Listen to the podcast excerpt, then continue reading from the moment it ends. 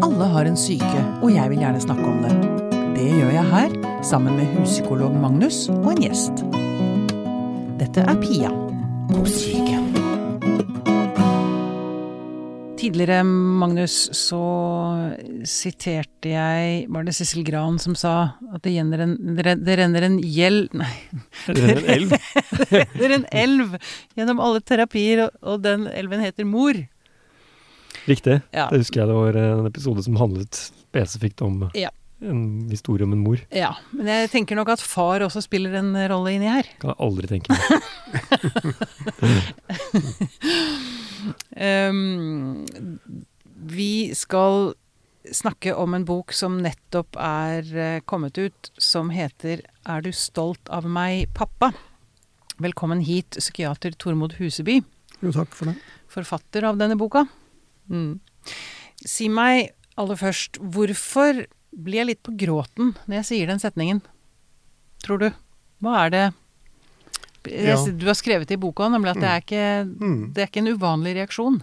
Nei. Er du stolt av meg, pappa? Ja. Nei, jeg har, jeg har hatt flere mm, pasienter, menn faktisk. Eh, Den første var en eh, som hadde gått til meg for fire år siden, og så kom han tilbake.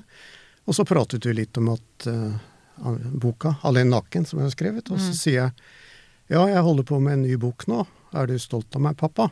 Mm. Og så blir han taus i noen sekunder. Så ser han bort på veggen, og så begynner han å gråte. Mm.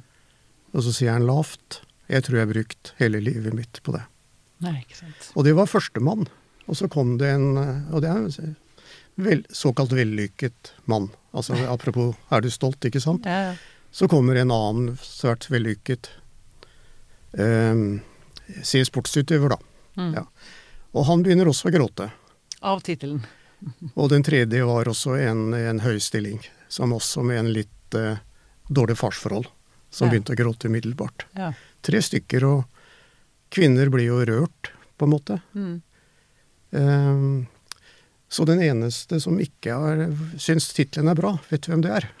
Det vet du ikke. Nei. Det, det er faktisk sønnen min. Det er sønnen din? Ja. Ah, Nei, det gjorde ikke inntrykk på han. nei. han altså boka det jeg skriver, gjør inntrykk, men ikke den tittelen. Og, så- og så sier min eh, datter, da, som er tre år eldre, storesøster, jeg tror det er fordi det er ikke noe tema for han. Mm. Det er, det er, det er på en måte sånn det er, at Mm. jeg er stolt av han, da. Mm. Ja, Så det var hennes tolkning, da. Mm. Mm. Hvorfor er det så viktig for oss å få anerkjennelse fra akkurat foreldrene våre? Det er kanskje et åpenbart spørsmål, men jeg har lyst til å stille det allikevel. Og kanskje da For det er, det er vel ikke bare pappa det dreier seg om her, eh, i denne boka, men opphavet vårt, altså de, som, de, vi, de vi begynner hos. Mm. Hva er, det ved, hva er det ved det forholdet som gjør at det er så viktig for oss gjennom hele livet? At vi selv som voksne, etter at foreldrene er borte, faktisk fortsatt leter etter den anerkjennelsen. Ja. ja, I starten av boka så beskriver jeg jo det at um, Er du stolt med pappa? Det blir jo en metafor på mange måter for anerkjennelse fra mor og far. Mm. Så jeg går litt inn i dybden og beskriver Iris From for 50 år siden. Og, uh, hvor mor er på mange måter den som gir ubetinget omsorg, og far er den som setter mer grenser og linjer. Mm. Men det, modne, eller modne mennesket er mer en blanding av mor og far, kan du si. Som både gir omsorg og eh, Grenser og Ja, setter grenser, ja. Mm, mm. ja gir retningslinjer. Og eh, på slutten av boka så siterer jeg da og skriver litt om en annen bok som, het, som eh, handler om et kapittel da, som heter eh, Altså, jeg tror han heter 'Det går til helvete' med sånn stjerne på én der. Eh, og da er et avsnitt som er håp og etterliv. Hvordan en, eh, han som skriver boka, beskriver at han tok seg i at da bestefaren døde, som han egentlig ikke hadde noe nært forhold til, mm. så begynte han å tenke på jøss, dette ville bestefar ha vært stolt av. Så han tok med seg bestefaren Ja. i på en måte det han gjorde. Ja. For, for de da, Så bestefar fulgte med han, selv om han hadde ikke noe nært forhold til han. Nei, men hvorfor tror du det eh, Hvorfor ble det plutselig viktig? Det var etter at han var død? Det, Ja, faktisk. Du Ja. sa, nevnte det at eh, det, det, er ikke, det, det holder er liksom ut livet, da, liksom. Og jeg kan jo bare, før jeg svarer på det Søsteren min er en tvillingsøster. Mm. Og hun sier ofte, for det har gått bra med oss og hennes altså henne og familien, så sier hun stadig nå skulle mor og far ha opplevd dette. Mm. Ikke sant? Og det, det, det blir en connection, mor og far blir en connection til oss, som er det viktigste blikket på hvem vi er. Ja, for det handler kanskje ikke Mm. nødvendigvis Eller det handler selvfølgelig om de menneskene, men er Mm. det fordi de var de første som så oss? Altså de var de første speilbildene våre, sånn at de er så dypt integrert inn i Mm. hvem vi er? Det spør jeg. Ja. Så sier hun spørrende ut i rommet. Ja, ja. Jo, det kan du jo svare på det, men jeg tenker at uh, For å si det sånn, hvis ikke mor og far som er, er der som de viktigste personene som definerer oss, og som bekrefter oss, validerer oss, hvem da Mm. Det er jo det det går på. Det er jo de som er nærmest. Og hvis mor og far ikke er stolte av oss eller glad i oss, hvem som er på en måte betinget i det, så i foreldrerollen, Ja. så kan barna tenke eller man føler, ja, hvem kan være glad i meg da? Hvis ikke de en gang var glad i meg, som er foreldrene våre, og som er Ja, så, hvor omsorgen for å, å være glad i oss, den ligger i, Ja. i, i rollene deres, da. ja, ikke sant. For det er dette med at vi blir ikke oss selv alene. Vi blir oss selv i samspill med andre, og de viktigste der er foreldrene. Ja, Mm. altså Filosofen Sartre sier jo det at vi blir andres blikk. Ja. Mm. Og det er jo det blikket mor og far sender oss hver dag, ikke sant. De er jo så tett, da. Mm. Så Ja, jeg hadde en pasient som sa nå nylig at uh, uh, Litt trøblete med foreldrene, og så hadde moren da i oppveksten annet sagt Kan ikke du være som andre barn? Mm. Og den sitter hardt. Mm. Og så, Hvordan er man egentlig som andre barn? Det er en helt håpløs oppgave. ikke sant? Nettopp. Mm. hva, ikke sant? Hva er standarden? Ja. Mm. Så det Og da er det noe som har forfulgt henne, og, og det og andre ting selvfølgelig i den oppveksten, som gjør at hun har problemer med å ta ordet, og eksponere seg og tenker at andre er mer interessante. Mm. Og hun er selvfølgelig redd for å ikke være bra nok, redd for å være annerledes. Mm. Og da blir det ofte mye sånn unnvikelse og sosial fobi, da, eller angst. Da. Ja, ikke sant. Mm. Eh, som forelder så er det jo veldig viktig å, å si, tåle barnets følelser. Mm. Og det er Det blir ofte problemer fordi foreldrene rett og slett ikke klarer å forholde seg til barnets følelser. Kan ikke du utdype det litt mer? Øh, hva- ja. Mm. Jo. Hvis et barn blir sint, f.eks., Mm. og foreldrene slår ned på det. Mm. Ja, det. det er et stort tema også i boka, hvor mye av problematikken i, syk, altså i de psykiske problemene eller selvfølelsen eh, ligger jo i det, da. At eh,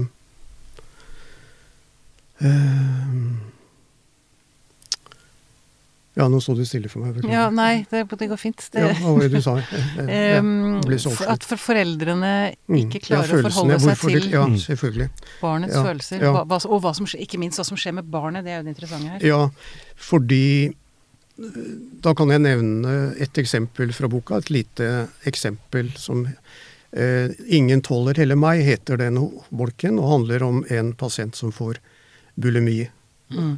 Ikke sant? Og da sammenligner jeg med en annen som jeg kaller Therese, eh, som, se- som har bulimi også. Og hun beskriver at eh, at eh, når eh, Hun kunne ikke holde ordet mer enn så og så mange sekunder, for hun mente at andre var viktigere, sånn som foreldrene var viktige. ikke sant? Så hun Ja. Mm. Så, og, og det har jeg hørt andre eksempler på. At Mm. eh, de slipper ikke til. Altså De foreldrene det, de, de, foreldrene slapp dem ikke til.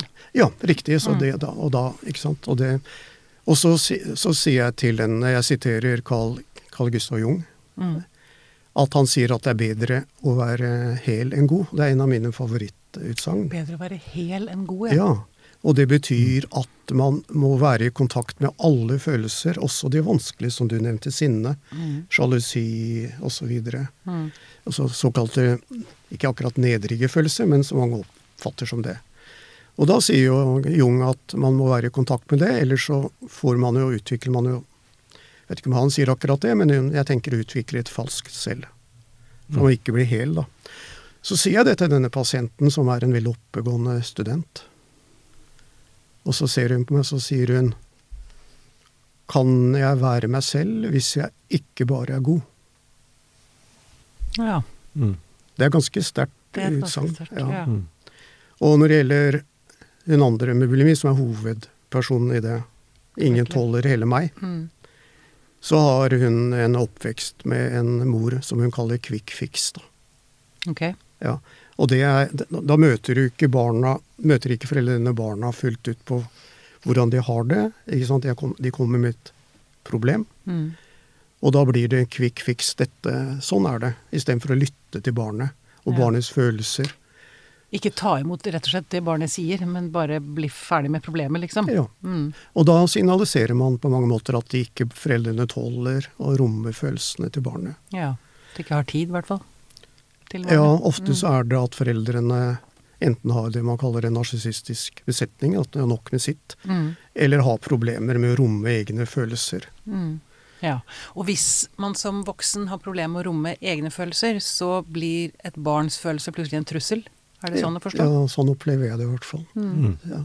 Mm. Mm. Er du enig i det? Jeg er veldig enig i det, og så tenker jeg bare på uh, dette med hva er det som er et sunt menneske. Mm. Fordi de sunne mennesker kommer jo i alle farger og fasonger, egentlig. Det er veldig Mm. mye som skiller sunne mennesker også. Altså, man kan være utadvendt, innadvendt, man kan være, ha forskjellige interesser osv.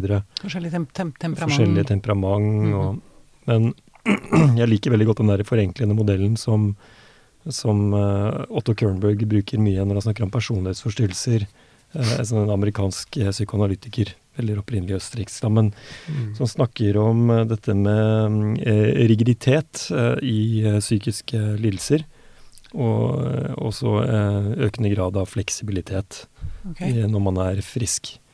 Um, For man blir rigid. bruker- Jeg må bare Unnskyld, jeg, det forsto ikke helt. Jeg tenker på når det gjelder det med følelser. mm. Altså hvis man begynner å på en måte få et problematisk forhold til tilstander man selv er bærer av, Mm. og at det ikke lenger blir en kilde til informasjon, Mm. men en kilde til frykt og et eller annet som eh, på en måte hemmer en, Ja, så vil man jo også bli veldig innskrenket i handlemåter i ulike situasjoner. Så vi kjenner jo allerede alle de menneskene som kan komme inn i en hvilken som helst samtale, eh, ha ganske lave skuldre, si overraskende ting, være med på både å snakke om hyggelige ting, Mm. eh, Som tåler ting, vanskelige ting. som tåler det, og som, og som får oss til å slappe av, og som gjør at det blir lettere å være oss også. Mm. Som har en inviterende, åpen, ikke-dømmende, aksepterende holdning til oss. Mm. Eh, og eh, det er klart det at hvis man eh, har, er oppvokst under sånne forhold, med den type omsorg og, og den type å bli møtt på, så vil man jo opp, oppleve en større frihet i livet sitt. da. Ja. Og man, og man ikke minst får man anledning til å um, å styrke forskjellige typer muskler Ja. i sin egen væremåte. Man vita, føl, Følelsesspekteret vitaliserer Mm, i, i veldig bred forstand. da. mm, At det er mange følelser som vil gi informasjon og, Mm. og, og energi, mm, mer enn at eh, Mm. man vil på en måte være Ja, sånn som noen kan oppleve at de ender opp Veldig mange pasienter man opplever som kan jo ende opp i ganske sånn rigide spor. Mm. Være veldig avhengig av at ting er på en bestemt måte, samtidig som de strever med veldig mange symptomer, symptomer også. Da. mm, Mm. mm, mm. Jon Monsen har jo jobbet mye med affektbevissthet. Eh, han var jo den som startet med det. Eh, og Affektbevissthet. Ja, For å forklare og, litt og, hva ja, det er. det kan man kort si. At i hvilken grad tar vi imot alle de grunnleggende følelsene? Kan si det åtte. Alle, alle typer følelser. Ja. Altså i hvilken grad er vi oppmerksomme på de følelsene? I hvilken grad tolererer vi de følelsene? Altså hva gjør vi med dem? Mm. Og hvordan uttrykker vi de følelsene begrepsmessig og emosjonelt? Og da han, han startet opp i sammen med en annen på Tøyen DPS i sin tid, eh, et prosjekt om dette, eh, om følelsesbevissthet, da. Og da hadde han ikke pasienter, men han hadde andres pasienter som deltok i prosjektet. Du skulle finne ut hvor mye dette betydde. Og så plutselig så begynte det å renne inn med telefoner fra behandlerne. Hva er det du driver med? Pasientene våre har blitt så mye bedre. Ja. Rett og slett fordi de ble sett, da, eller? Fordi de fikk en eh, kontakt med følelsene sine. Bare ved å være i den undersøkelsen så begynte de å oppmerksomme på hvilken følelsesspekter de hadde. Det er jo så morsomt. Ja, Apropos dette, kan jeg være, kan jeg være meg selv hvis jeg ikke bare er god? Ja, ja. Ikke sant? Altså det, det, så det var veldig interessant. Ja, så bare, så kanskje bare det at noen var nysgjerrig på hele følelsesspekteret. At ikke de Mm. altså Man vil jo gjerne presentere seg som en veldig hyggelig, omgjengelig og blid. Ja. menneske. ja. Men når noen faktisk begynner å Mm, vise nysgjerrighet for alle følelsene dine, mm, mm. så er det plutselig rom for hele deg. Men da kan ikke dere alle psykologer og psykiatere bare gjøre sånn, da? Jo da, det er, det ja, men det er veldig interessant også å integrere, integrere det og spørre også, ja, Fordi han har jo en bok som han skrev for mange år siden, 'Vitalitet og følelsesforstyrrelser'. Ja. Så vitalitet er å ha, være i god kontakt med følelseslivet sitt på alle måter. Mm. Og romme det, da. Mm. Tørre å tolerere det, ikke sant. Oppmerksom på. Ja, nå var jeg glad, nå var jeg sint. ja. Mm. Ja, så egentlig høres veldig enkelt ut, men tydeligvis nyttig, da. ja. Så jeg bruker det sånn innimellom, ganske sånn med pasientene, da. Ja. Ja, ja. Så eh, Fordi det som Mm. ofte da skjer når Hvis man ikke får lov til å føle følelsene sine som liten, mm, så kommer denne giftige satanskammen. mm, Mm. Og da, Mm. da legger vi grunnlaget for Du snakker om en sånn livslang hangover. Tormod. Ja, jeg kaller det det. En Mm. hangover, ja. Mm. Det er veldig bra uttrykk. Det er veldig mange gode bilder i boka generelt. Ja. Ja, ja, ja. syns det var nyttig. Ja, ja. ja så bra. Mm. Mm. Men uh, For vi, må snakke, vi har snakket mye om skam før, og den kan Mm. aldri snakkes nok om. nei, det er sant. På baksiden av boka så skriver du jo det 'fri deg fra skammen'. Ja. Eller 'gi slipp på skammen', tror jeg det sto. ja. Mm. Det var ikke jeg som valgte det, men det er i hvert fall ut fra redaktøren osv. som Ja. bruker det som en slags oppsummering, da. Mm. Fordi det er jo denne berømte skammens mur Ja. som da hindrer oss i vitaliteten vår. Først og fremst skam. Mm. Som eh, Og jeg skriver litt om det i, i tilslutning til eh, Ane, eh, en av de tolv pasientene jeg skriver om.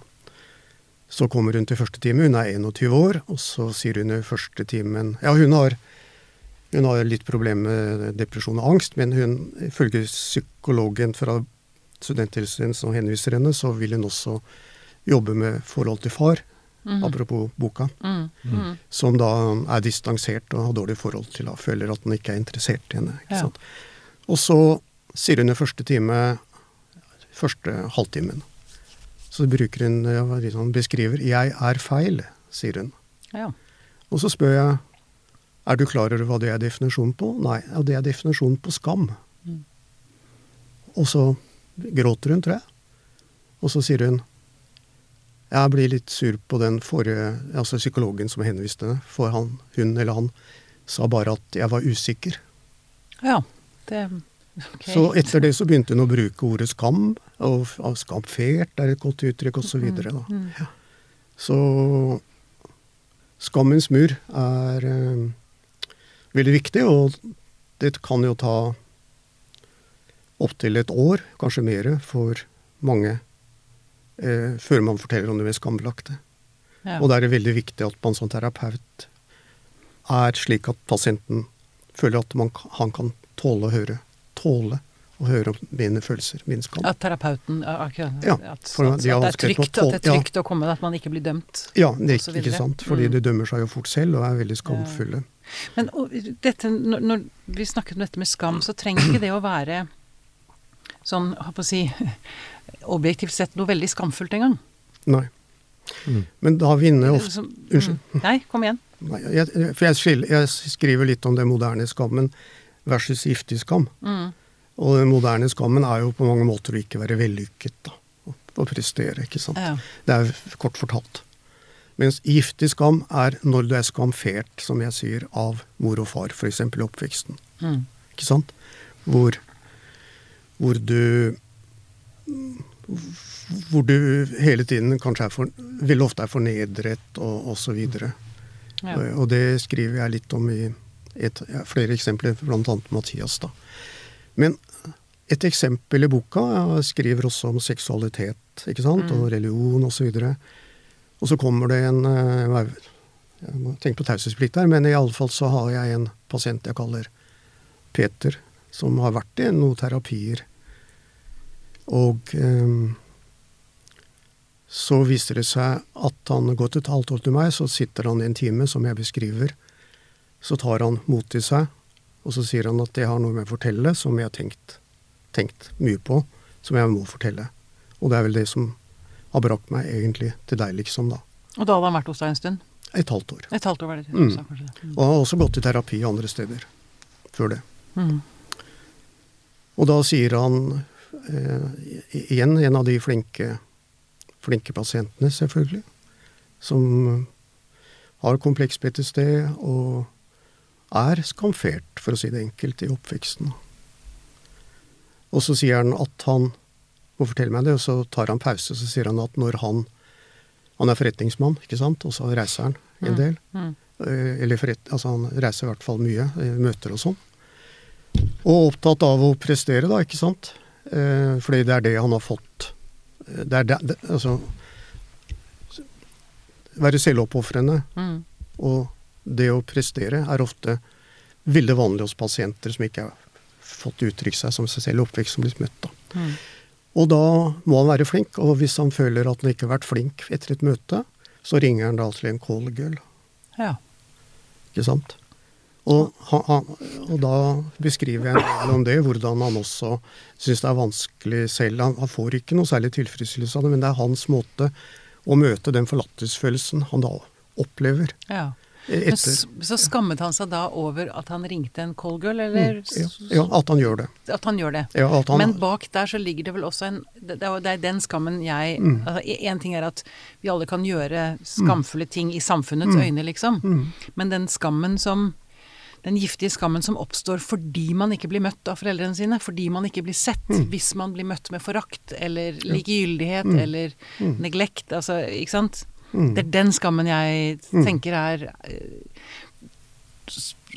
Jeg tror det er så mange som sliter med sin egen syke, som bærer på en sånn skam. mm, mm, Så var det den jeg også ville mm, til livs, da. Mm. Eller så, i hvert fall ikke til livs, men at, Mm. å, å snakke om. Mm. Han sier For det er så hvertfall. rart det der at man skal begynne å skamme seg. Eller jeg skjønner jo at det er sånn, men det er Mm. irriterende. Men han sier jo da på slutten av timen, han ser lettet ut, Mm. han med hånden sier dette har vært min viktigste samtale noensinne. Ikke sant. Det er ganske sterkt, altså. Ikke sant. Ja, det har vært min viktigste samtale noensinne. Å få sagt det. Det sier Fordi noe om han bærer på den skammen over at han utagerer ut fra samfunnets normer. ikke sant? mm. Og kanskje etiske forhold til prostituerte osv. sant. Ja, ja, ja. Så, mm, Ja, og det sier også noe om viktigheten av å dette med at eh, så, jeg håper de lette sin byrde. Det er, Ja, det er noe for seg. ja. Og så beskriver jeg da et hoved, hovedkapittel om en som da jeg kaller gledespiken. Mm. Og hun har vært gledespike i oppveksten, har og så hun tar det fullt ut og blir eskortepike. Mm. Eh, Men hun sier, og det er en farslengsel som hun har, eh, møte med litt eldre menn, da, som stort sett er veldig bra for henne, og tar veldig godt betalt. Men hun sier 'jeg skammer meg ikke over det', fordi det har vært min måte, sier hun, å nærme meg farsfigurer på. Ikke sant. Ja. Mm. har hun en, en avstand, eller så kan hun egentlig ikke bli avvist. Ja, ja, riktig. Da blir hun beundret, hun har makt osv. Ja, ja, ja. Og blir møtt da, med Mm. respekt. Mm. Så, mm. Mm. Så det, men den giftige skammen er jo selvfølgelig, som du er inne på, er jo mer gjennomsyret at jeg er feil som menneske. Det er noe fundamentalt galt med meg. Altså, Det er det som er det giftige skammen. Mm. For man kan jo tenke at jeg beskriver i de eksemplene mer sånn konkrete eksempler som man kan skammes over. Mm. Men den giftige skammen, den ligger som en klo over en hele tiden. Ja. Og møten, må, måten å møte den på Er det 10 000-kronersspørsmålet? Det er det. For ikke å si 100 000 kroner spørsmål. For ikke å si 300 milliarder Ja. kroner spørsmålet. Mm. Mm. ja, det er eh, Vil jeg du, veldig gjerne ha en løsning av det her, Tormod. Nei da. Nei, jeg skjønner det, men ofte så er den giftige skammen veldig seigelivet, og den er ofte forbundet, som du leser om, med kompleks PTSD. Ja. Og da er det en tilstand hvor man absolutt ikke er møtt som seg selv i oppveksten, ofte blitt fornedret og ofte misbrukt, ikke sant. Mm. Og da vil jo det hele tiden prege dypt en selvfølelse, som er veldig sånn negativt selvbilde. Mm. Og flere av de sier jo at det kan stå skrevet i pannen at det har vært misbrukt, f.eks. Altså skammens farge. Mm. Og Pete Walker, som skriver om det, vi snakket litt om det i stad, med mm. Pete Walker, som uh, selv har hatt uh, har kompleks PTSD, som han sier, og jobbet med det. Uh, og har skrevet på en bok om det, kompleks PTSD. Han sier jo at den diagnosen kompleks PTSD med undergruppen forlattelsesfølelse, den er så vanlig at hvis man tar for seg den amerikanernes diagnosesystem som er som en liten manual DSM-manualen, ja. Mm. Ja, ikke sant? Mm. Nettopp. Mm. Og hvis man tar for seg den, og virkelig ser, ser den kompleks PTSD med forlattelsesfølelse, så ville den manualen skrumpe til en liten pamflett, skriver han. Ikke sant. Og det snakket vi litt om i stad. Mm. Eh, du kan jo sikkert si litt om det. Men, ja. Ja, men i alle fall så tenker jeg at mange av de pasienter som går til meg Alene naken så skriver jeg mye om ensomhet. Mm. Men nå skriver jeg at veldig mange egentlig det dreier seg om forlatthetsfølelse. Ja. Og når man sier forlatthetsfølelse, så handler ikke det om at foreldrene etterlot deg i en grøft og kjørte sin vei, liksom? Det handler om å være forlatt følelsesmessig. Ja. Mm. Ja. ja. ja. Hva tenker du Magnus når du hører Tormod? Um...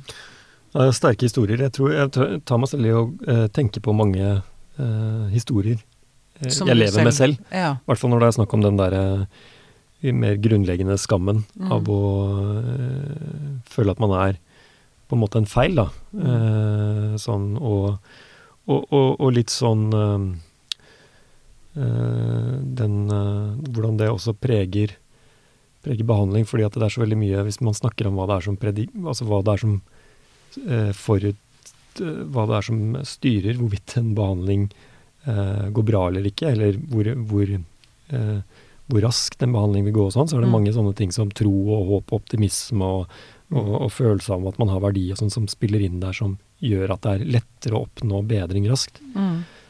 Og at Uh, og, og, tillit, selvfølgelig. Alt som handler om bånd til terapeuten og sånn. Og det er jo den Det er jo nettopp den gjengen da som uh, har denne, denne, aller dypeste skammen og de aller dypeste sårene, som også strever mest med tilliten. Uh, strever mest med håpet, og, og, og um, hvor det vil ta Altså, det er krevende prosesser, da. Mm og at man har kommet veldig veldig langt eh, med mange av disse pasientene når man er der hvor man begynner med mange andre. Ja, hvor man liksom sant? føler i det hele tatt at man kan stole mm. på et annet menneske og føle at man kommer, er i en relasjon mm. Hvor man er gjenbyrdig. Mm. Om og man er i en relasjon hvor man føler seg At man kommer inn et sted på et kontor og føler seg vel. Mm. Så jeg har jo hatt noen pasienter som har sagt det at det, det var jo den tiden vi hadde pasienter som gikk over en viss tid, da, eller en ganske lang tid. Hvor noen kom inn og etter veldig, veldig veldig lang tid uh, ville gjerne fortelle meg at de hadde følt det var helt forferdelig å være der i lang tid. Ah, ja. Før det ble mm. som nå. Mm. Og, det, og, det, var da uh, det var da behandlingen tok en vending og ble konstruktiv, da. Ja. Uh, så har jeg tatt meg, Når du spør om gode råd, jeg har tatt meg selv i å spørre mange ganger når jeg sitter i sånne prosesser hvor jeg føler det nettopp er vanskene stikker så dypt, mm. at i hvert fall En ting jeg syns er utfordrende for meg selv, er det at man er utålmodig. Man vil gjerne drive prosessen videre. Mm. Ja, man, som, som terapeut? Ja. At det kommer i veien. Fordi at det kan, ah, lett, ah, okay. det kan lett gi inntrykk av, for pasienten av at de ikke er gode nok. At ikke de får til nok. Mm. At det er et eller annet feil med de som ja. gjør at ikke de ikke responderer godt nok. Ja. Så der er det så mange paradokser da, som er interessante. Det der med å, mm. å, å faktisk akseptere at dette er, eh, er såpass dypt og mm og krevende. Ja. Hm. ja, det er et veldig godt poeng, fordi nå er jeg heldig, sånn som det er nå, med privatpraksis med avtale.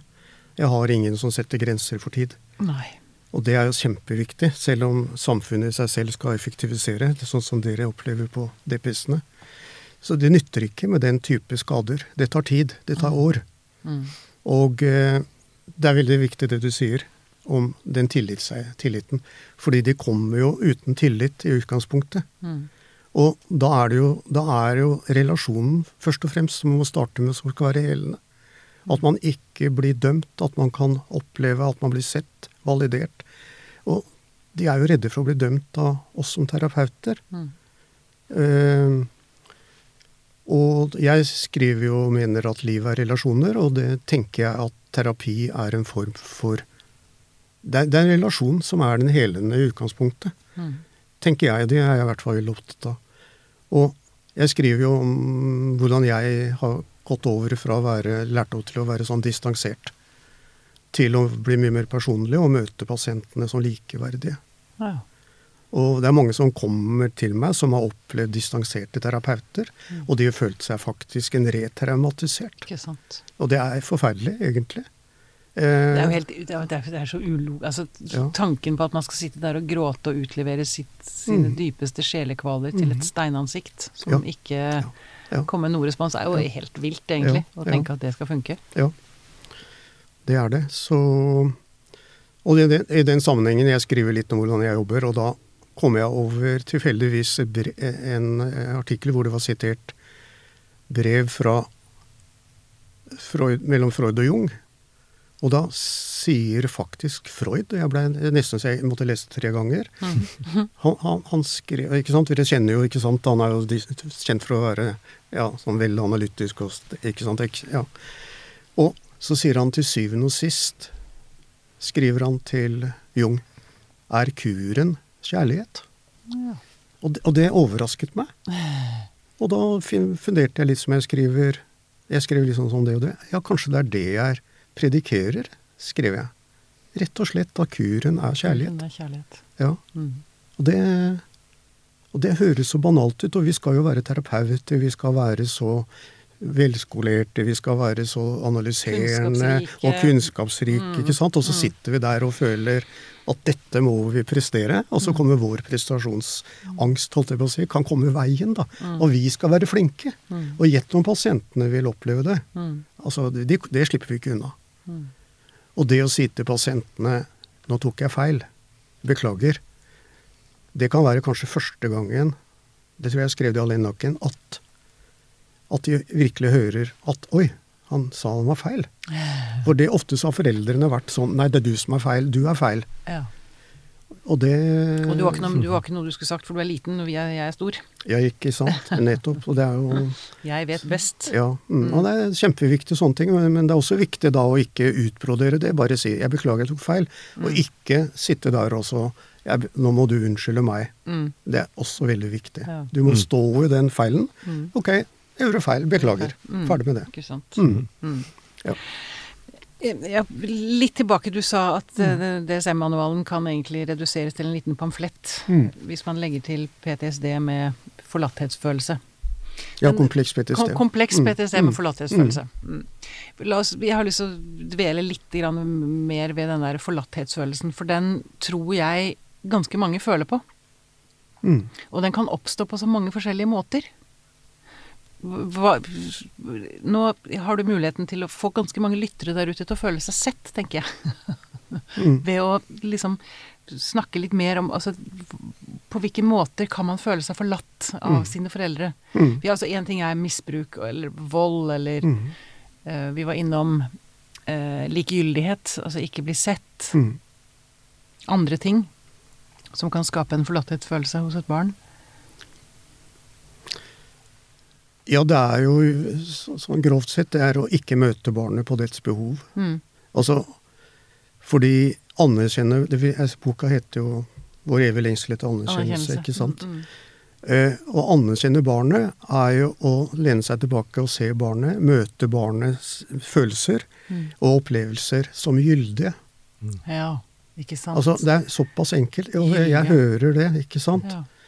Og du, du Ikke sant? Fordi hvis foreldrene ikke tåler barnets følelser, som vi har snakket om, Mm. da er det jo utgangspunktet forlatt. ja. Mm. Og hun eh, Hun eh, som ble eskortepike, da. Hun beskriver skilsmissen den tiden moren og faren ble skilt. Mm. Og beskriver at hun og søsteren lekte Fredshuset før det, for å prøve liksom å For det var så mye krangling. Mm. Og så beskriver hun hvordan når mor og far går fra hverandre, og den dagen hun hører det. Og da sitter hun stille. Lillebroren løper på rommet, og faren etter. Og hun blir sittende stille, ser på hendene sine og tenker Nå har jeg bare meg. Ja.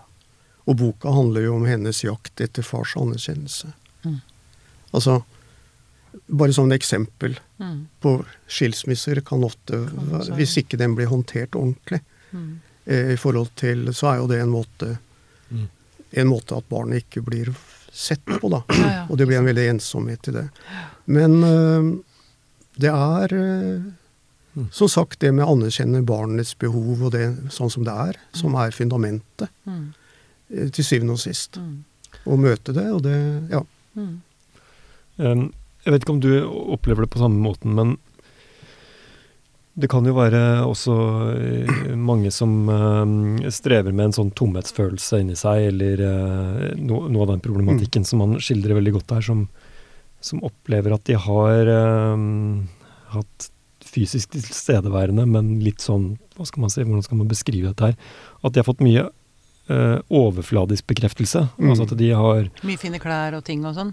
Ja, og, og gjerne oppmerksomhet på ting som handler om ja, Du snakker jo litt om det i boken din, dette her med prestasjoner. Og, og at de har altså fått litt sånn sjablongmessige Mm. eh, valideringer Mm. av eh, eh, ting ved seg selv, Mm. som gjør at på en måte det er lett å skrive at de har hatt en normal og god oppvekst. Mm. Eh, og så er det på en måte eh, De, de eh, kan jo ofte rapportere at det er eh, nesten enda vanskeligere å forstå eh, hvordan denne Mm. Eh, At det er på en måte som de har fått et eller annet, men det har liksom ikke eh, Det har liksom ikke truffet, da. Ja, ja. Uh, og Mm. det er litt forvirrende å sitte igjen da med en sånn tomhetsfølelse. Ja, fordi For- fordi no- Utad sett så ser det ut som man har hatt en helt kjempefin barndom. Mm. ja, det er veldig vanskelig å klandre noen også. Det er veldig vanskelig Ja. å uh, Det er veldig vanskelig å Ja. Mm. Kilden til såret er veldig vanskelig å identifisere. Ja. Det, er, det er godt poeng, det er godt du minnet meg på det. Fordi Mm. jeg skriver om det med tomhetsdepresjon. Altså man snakker, jeg snakker om tomhetsdepresjon også, og Ja. tenker at den økningen av ungdomsdepresjon kanskje egentlig er, er en tomhetsdepresjon.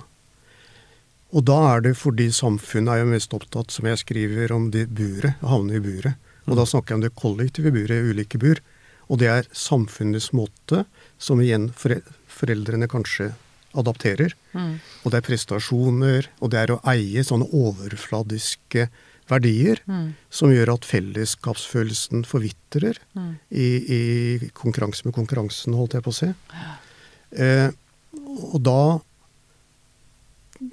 og da blir det jo Og det, og det er spesielt sårbart for Spesielt sårbart for, for eh, pasientene som har havnet i det jeg kaller det individuelle buret, hvor de har hatt en trøblete barndom. Ja. Og de er spesielt utsatt for fellesskapets falske verdier. Ikke sant? Som da markeds, markedskreftene, reklamen etc. Du er noe hvis du eier og hvis du presterer. Mm. Og hvis man har lav selvfølelse i utgangspunktet pga. oppveksten, Mm. så er de ekstra sårbare. Hvordan skal jeg bli sett nå? Å, jeg må eie, jeg må prestere. Og, de, Og og gjett om jeg, de havner hos meg, ja. Ja, ikke sant? Ikke sant. Så det er veldig viktig poeng. Og jeg, siste del av boka, så, så du leste tydeligvis, da, så Mm. handler det veldig mye om, eh, Ja. om, eh, om, om det å se på det, samfunnets eh, Ja, ja. struktur. Mm. Og du spurte hva gjør man med kompleks PTC, men jeg skriver på slutten også hvordan kommer man ut av buret. Mm. Ikke sant? Og det er jo, gjelder jo alle, ikke sant? og Mm. spesielt de med kompleks PTC. Men da legger jeg jo vekt på at man må tørre å våge. Ja. Vi kommer ikke videre uten å våge, og da må vi våge å se oss selv. Mm. Vi må våge å tørre å gjøre noe med det, eventuelt terapi, eller å gå i oss selv. Mm. Og vi må kanskje tørre å se på de falske samfunnsverdiene som vi er avhengige av, og som bare stresser oss, og som får oss fremmedgjorte, og aldri, gjør at vi aldri blir egentlig lykkelige. Mm. Så vi må tørre å se på det. den. Mm. Og så skriver jeg vel også at vi er nødt til å ta og se på hvilke mennesker skal vi ha i livet vårt. og hvem skal ikke være der. Mm. Og vi må se på hva trenger vi, Mm. og så presiserer jeg hva trenger vi, uavhengig av andres blikk og andres forventninger.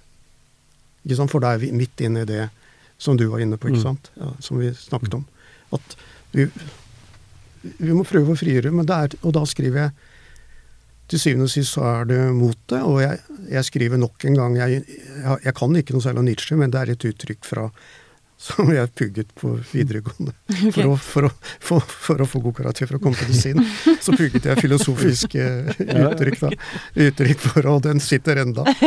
Og det er Nietzsche som sier at ethvert resultat i erkjennelse følger av motet. Av hårheten mot en selv, og av rensligheten, altså ærligheten mot en selv.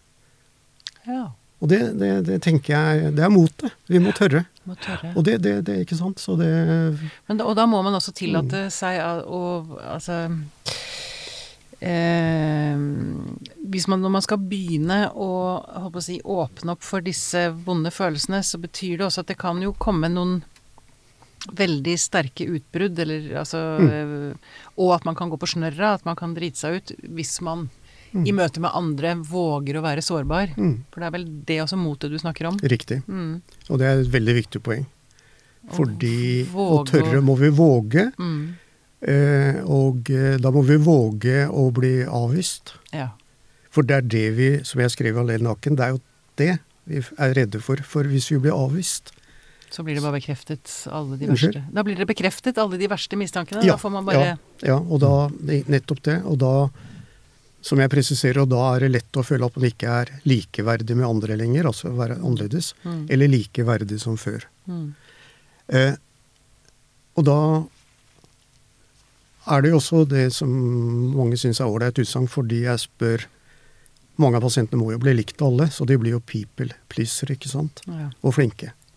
Så liksom, det er som Maria med bulimi sier at sant, hvis det er 100 stykker, 99 liker, liker meg og liker det jeg gjør, så gjør jeg alt, absolutt alt, for at den siste av de 100 skal Skal like gjøre det meg. også. Ja. Mm. Og det, det, er- og det mener hun faktisk. Da blir Mm. man ganske fort borte. Ja, og hva gjør hun da? Jo, hun spyr hver dag, liksom. Eller mange ganger i uka. Ja. Spyr opp følelsene. Mm.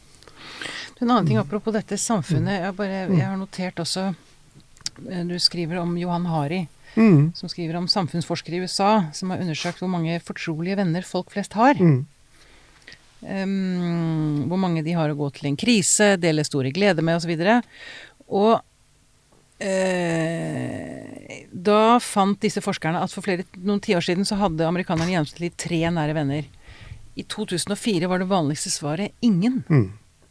Det syns jeg det er en skremmende utvikling, det. Mm. Mm. Er det fra Lost Connections eller noe sånt? Eller Ja, noe? riktig. Ja. Ja. Mm. Mm. Som er oversatt nå, Mm. faktisk. Men den heter vel Frakoblet? Ja, Ja, frakoblet. Ja, Ja, riktig. Mm. Ja. Mm. Mm, jeg har lest den, men det er bra. Den kan anbefales, ja, den òg. Ja, I tillegg til boka til hus, Tormod Husby. ja, ja, det er viktigst. ja, det er viktigst, tross alt. Mm. Men hvordan havna vi der, tror dere? Som at, jeg vet ikke om tallene er om, om vi kan finne tilsvarende, men jeg vil at tro sånn at trenden er noe av det samme i Norge. Det er amerikanske tilstander. Mm. Og der Den amerikanske kulturen, den er jo ikke Altså, der er det jo Der er det vellykket hvis du eier, og hvis du presterer. Mm. Eie, eie materialismen, ikke Men vi ser det jo her òg. Mm. Og ikke bare eie, men også å Mm. være noen. Altså Mm. bli sett i sosiale medier. Ja, Mm. Ha mange følgere, ha, få masse likes. ja. Mm. Vi er liksom Man er liksom ikke noe hvis man ikke er spesiell, da. Mm. Samtidig så vil jo mange ungdom være som andre. Så det er sånn ikke sant? På ene siden vil de være spesielle, og samtidig vil de være som en del av flokken. Det det. Så det blir jo veldig sånn motsetningsfullt, da. Ja, ja. Og da er vi jo fremme ved det siste tabu som du også skriver om, nemlig ensomheten. Mm. Mm. Ja, det er et amerikansk eh, ektepar, psykiatere, som har skrevet om ensomhet i det 21. århundre. Mm. Og, eh, og de, de, de skriver jo det at det er mange som kommer til dem eh, som sier at de er deprimerte. Mm. Fordi å være deprimert er noe, er noe Det det er ikke så tabulagt som før. Nei, ikke sant. Men Mm. Så viser det seg at de er ensomme. Ja. Og det, det er skamfullt. Hva er feil med meg, Mm. som ikke har noen, som ikke er i flokken? Mm. Eh, og, da, og da jeg ga ut 'Alene naken', så ble jeg invitert på Søndagsposten, som det het. Mm. Søndagsavisen heter kanskje, på Mm. P2. Mm. Og det var under skam og ensomhet. Mm. Eh, og da ble jeg spurt av Sigrid Solli Ja, du skriver om din barndoms ensomhet, hvordan er det å fortelle om det? Mm. Og så svarte jeg kanskje litt kjekt, det er helt greit, det. Mm. Det var jo kanskje ikke helt greit. Mm. Men så sa jeg at jeg hadde nok ikke Det er greit nå fordi jeg ikke er ensom. Men hadde jeg vært ensom, Mm. så hadde jeg nok kanskje ikke turt å si det. Ikke sant. Mm. Så det er noe med den skammen. Mm. Mm. Mm. Så den eh, Men eh, Og det satt litt inne også da jeg skrev boka 'Alene naken' også. helt på- Mm. Så jeg funderte over det og skriver hvordan jeg da måtte innse at jeg var et ensomt barn. Mm. Sånn som jeg opplevde det da. Mm. Ja. Ja. Så det var skamfullt, selvfølgelig. Ja. Mm. Jeg vet ikke, hvor- Det er lenge siden jeg leste et eller annet sted, men at eh, den eh, største sammenhengen med psykiske lidelser er eller med, med god psykisk helse, det er kvaliteten på nære relasjoner. Jeg husker Mhm. ikke helt hvordan det, hvordan det funnet kom, eller akkurat hvordan det Men det mener jeg jeg Mhm. leste et eller annet sted at Mm. Mm. det var den sterkeste sammenhengen man fant i, i en studie. Så Mm. i lys av det så er det jo uh, i hvert fall bekymringsfullt at uh, folk opplever mindre nærhet, da. Eh, Mm. Uh, og så får vi håpe at det er en vei ut av det. Jeg håper ikke Mm. denne trenden bærer ikke, ikke går an å snu. Nei, ikke sant. Eh, fordi én ting er jo når vi snakker om terapi, men eh, det er jo en, jeg tenker ikke at det er en kunnskap som primært bør handle om terapi, men det er noe som bør handle kanskje om eh, hva barn lærer i skolen, hvordan vi organiserer oppveksten til folk, hva Mm. som er viktig å satse på for å forebygge psykisk helse. At det ikke nødvendigvis bare er å lære om følelser i en time, men at det er å bygge, eh, Mm. bygge samhold, eh, Mm. bygge styrke Mm. Eh, Styrke barns evne til å leke sammen, finne ut av problemer sammen, Mm. være, i, være i forskjellige følelser sammen. Mm. Mm. Viktig poeng, det. Mm. Jeg vil bare si, du var inne på i stad dette med prestasjoner. For jeg skriver en, eh, om en en, en en eh, Hun var jo pedagog, en klok dame som hadde fostret en nobelprisvinner i Mm. økonomi. Mm. Og så tenker jeg, for å bli nobelprisvinner så må du ikke bare være intelligent, du må ha kreativitet. Ja. Mm. Ikke sant? Mm. Og hun hadde et prosjekt, et veldig interessant prosjekt, hvor det var de delte inn to ulike små, altså småbarn, da. Eh, to grupper, og, og de, skulle, de skulle tegne. Mm. Og så den ene gruppen fikk eh, 'Å, så flink du er', og ros hele tiden. Ikke sant? Mm. Den andre gruppen fikk bare ble sett på det, ble sett ordentlig. Ja. På den måten at 'Å ja, så interessant, eh, hva er det du tegner er her?' Jo, nei, dette blåe. Og så ble barnet ivrig. Nei, dette var da jeg var, var hos besteforeldrene mine, og det var vannet der. Og så blir det ivrig og forteller. Mm. Så gjør du Og så tar du en ny undersøkelse på det barnet, skal tegne på nytt. Og det som skjer da, er at den gruppen som har fått ros, blir mer sånn fanget i å være flinke. Ja. Og de blir ikke kreative. Mm, Ikke. Men andre setter i gang med glede og blir kreative. Mm. Fordi de var sett for det å, at de gjorde noe, framfor å prestere. Mm. Og det er et kjempeinteressant eh, eksempel Mm. på hvordan hva vi gjør da med barna, og som denne forfatteren av denne artikkelen var det vel, hvordan han eh, går f.eks. på lekeplass, og så roper foreldrene 'Å, så flink du er', bare sånne banale ting. Ikke sant? Og, og som en overmotvekt på den generasjonen jeg vokste opp i, hvor man ikke skulle få ros. Så det er blitt en sånn overreaksjon Over- mm. på akkurat det. Mm. Og da det, Du var vel inne på det i stad også, Mm. Magnus? ikke sant? At, Mm. at da blir man jo ikke sett, da blir man jo forlatt. Mm. Fordi blir man jo hele tiden opptatt av å prestere. Mm. Og det er jo betinget kjærlighet. Ikke sant. Ja. Så det er Og Og Jeg tenker at det Mm. vi kan kanskje være flinkere til, vi voksne med oss selv, da, være, apropos selvmedfølelse.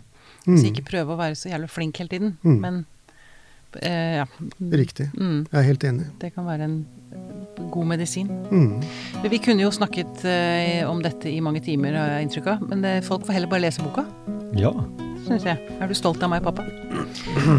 Veldig fint å ha deg i studio. Tusen takk for at du kom. Jo, Tormod hyggelig å få Husby. komme. Veldig, veldig fin bok å lese. Ja, så hyggelig.